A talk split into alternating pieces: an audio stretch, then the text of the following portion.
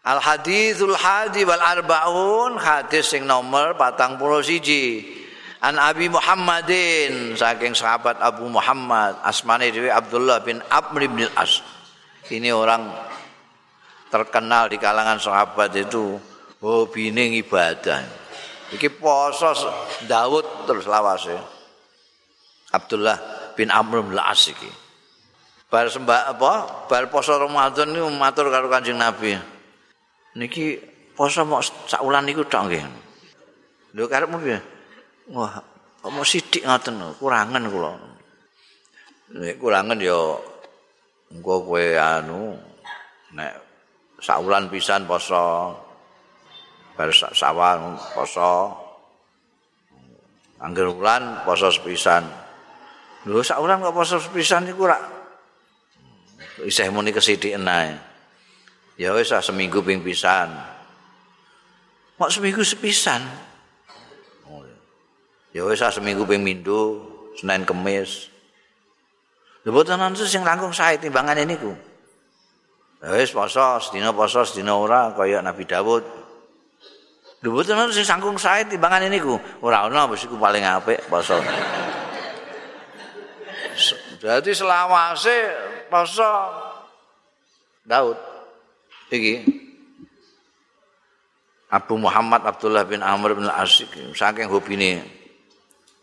Tapi bareng wis sepuh terus anu ngreneng dhewe ya Allah aku wis dipremakno Kanjeng Nabi ra gelem ya.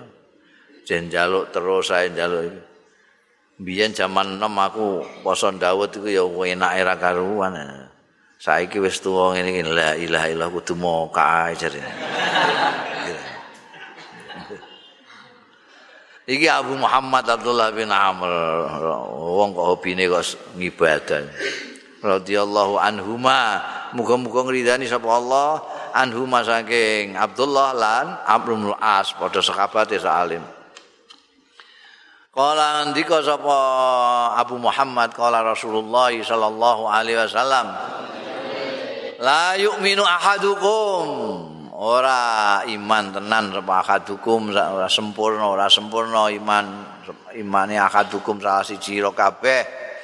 Kata yakuna singgo ana apa hawahu oh nepsune akadukum iku tabaan mengikuti anut lima marang barang jitu kang rawuh sapa ingsun bi kelawan. Ma hadisun sahihun hadis iki sahih rawainahu ngriwatake sapa ingsun ing hadis sahih iki fi kitabil hujjah bi isnadin sahih. Ya. Iman durung iman tenanan nek awakmu kuwi hawa nafsumu mengikuti apa sing diasto Kanjeng Rasul sallallahu alaihi wasallam ajaran Kanjeng Rasul. Ora kok ajaran Kanjeng Rasul mbok kon ngetutno hawa nafsumu kowe di kepentingan terus golek dalil oga. Tapi ana suku kudu manut ajaran Kanjeng Rasul. Gak oleh ya aja mbok lakon. Lah nek muni terus lah silakan. Iku iku manane tabaan. Wong itu kepinginane kan akeh macem-macem.